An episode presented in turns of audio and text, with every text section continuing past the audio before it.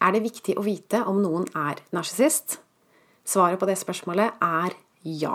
Og i denne podkasten vil jeg forklare hvorfor.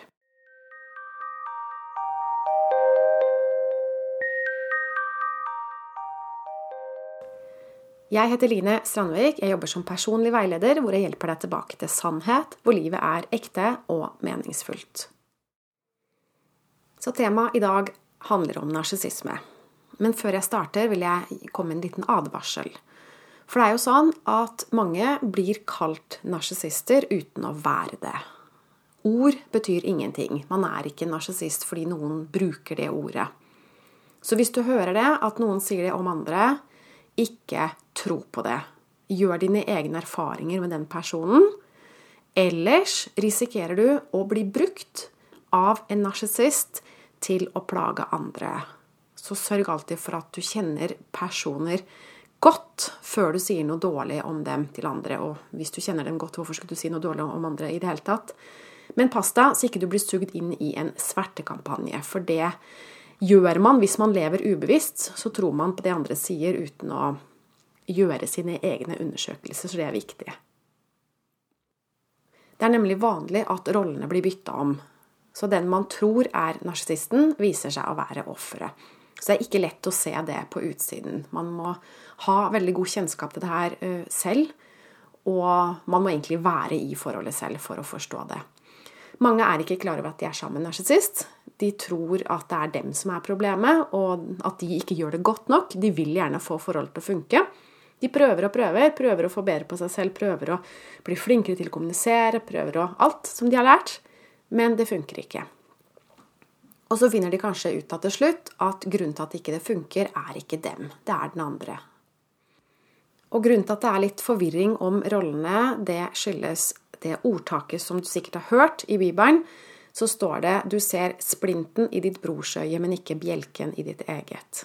Og det er en god beskrivelse på projeksjon, eh, og det er det narsissister gjør. De ser bitte små feil i andre og blåser dem opp, men de er helt blinde for bjelken i sitt eget øye, de store manglene og feilene de har i seg selv.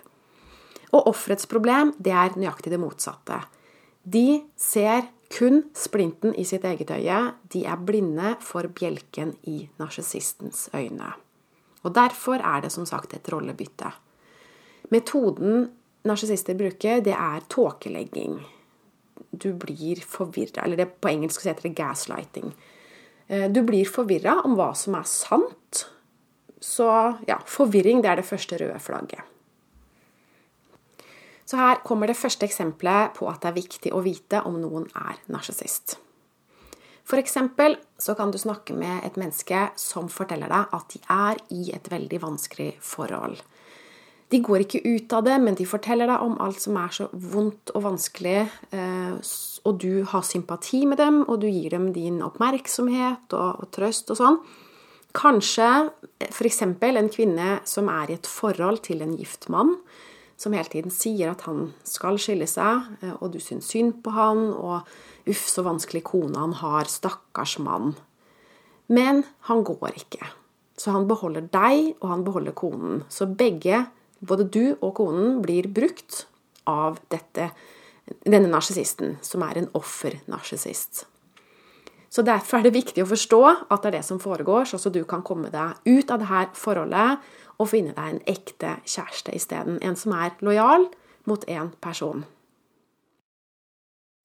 Personer som baksnakker andre, skal du generelt passe deg for.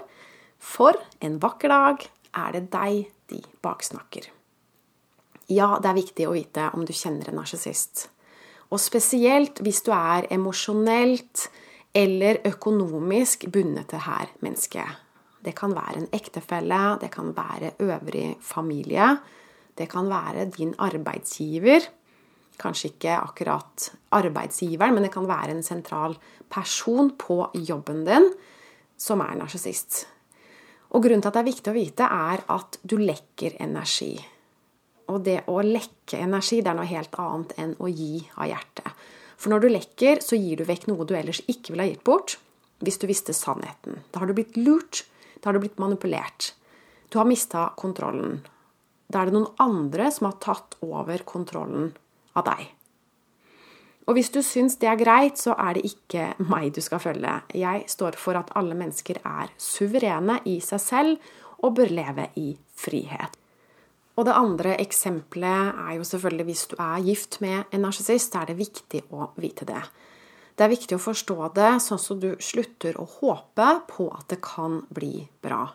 For det som er typisk, er at dette forholdet går fram og tilbake i årevis. Gjerne også etter skilsmissen. Ikke at det går tilbake alltid, men man blir ikke lykkelig skilt. Så det blir en smørje. Så du trenger å få klarhet i hva som foregår, for å klare å vikle deg ut av forholdet på riktig måte, bli lykkelig skilt med trygge og glade barn. Hvis dette er noe du trenger å lære om, så vil jeg anbefale deg å delta på mitt webinar, som du finner på linestrandvik.no i menyen under skilsmisse. Og det tredje eksempelet er hvis du har en narsissistisk forelder. Pass på at du ikke sliter deg ut. F.eks. så kan du ha en eh, syk, gammel mor som du syns veldig synd på, og bruker veldig mye tid på å prøve å hjelpe, men det hjelper ikke. Så du bruker år av dine liv eh, i dårlig samvittighet, og så ender det med at du sliter deg selv ut, og du har ikke energi tilbake til dine virkelige barn. Du bruker så mye tid på din syke og gamle mor. Og jeg sier ikke at alle eh, gamle mennesker er narsissister, men noen er det. Og det er ikke riktig, hvis du har det, så er det ikke riktig overfor deg selv eller dine barn at du sliter deg ut i et forsøk på å hjelpe dem. Så det er viktig å sette grenser, men det igjen forutsetter at du er sikker på om problemet er narsissisme eller ikke. Og det fjerde eksempelet det er hvis du har en narsissistisk arbeidsgiver, eller en narsissist på jobb. Jobben skal være energigivende. Vær oppmerksom på om du blir lurt til å jobbe og jobbe og jobbe for å gjøre andre rikere og deg selv fattigere og mer sliten. Og hvis du har en narsissistisk arbeidsgiver, så nytter det ikke bare å bytte jobb, for da vil nissen følge med. Selvutvikling det er det eneste som kan skape en reell endring. Vi må bli bevisst om hvem vi er.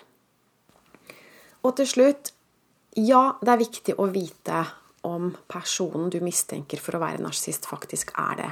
Men det er ikke viktig å si det høyt til noen. Å gå rundt og kalle andre for narsissister, det er jo ingenting annet enn god, gammeldags baksnakking og sverting av andre. Så hvis du er i et forhold til en narsissist, så har du et problem som du bør løse. Og det vil ikke hjelpe deg å bruke ordet for å få sympati fra andre. Vi lærer ikke å stå i kraft av oss selv ved å hige etter at andre skal godta oss.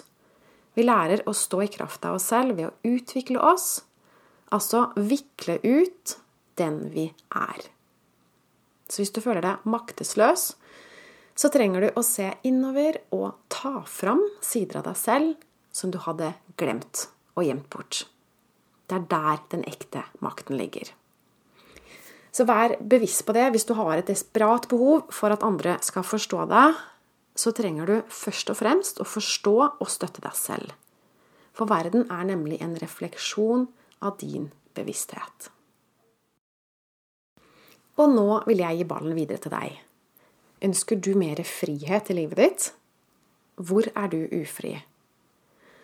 Vet du at du er aldri fastlåst, men hvis du føler deg ufri, så betyr det at du har gitt fra deg kontrollen, og du kan gjenvinne kontrollen ved å øke din bevissthet. Det er ikke vanskelig, men det forutsetter ærlighet, at du er modig og våger å gå inn i det, og at du har tillit til prosessen. Jeg hjelper deg gjerne gjennom denne prosessen. Jeg har hjulpet hundrevis av mennesker til å finne fram styrken i seg selv. Og det er kjempespennende. Det er veldig givende for meg, og det er en glede å se at folk våkner opp til den de egentlig er, og kan bare senke skuldrene og nyte livet. For det er jo det vi skal. Det er ikke meninga vi skal lide og ha det vondt, det er meninga at vi skal nyte livet.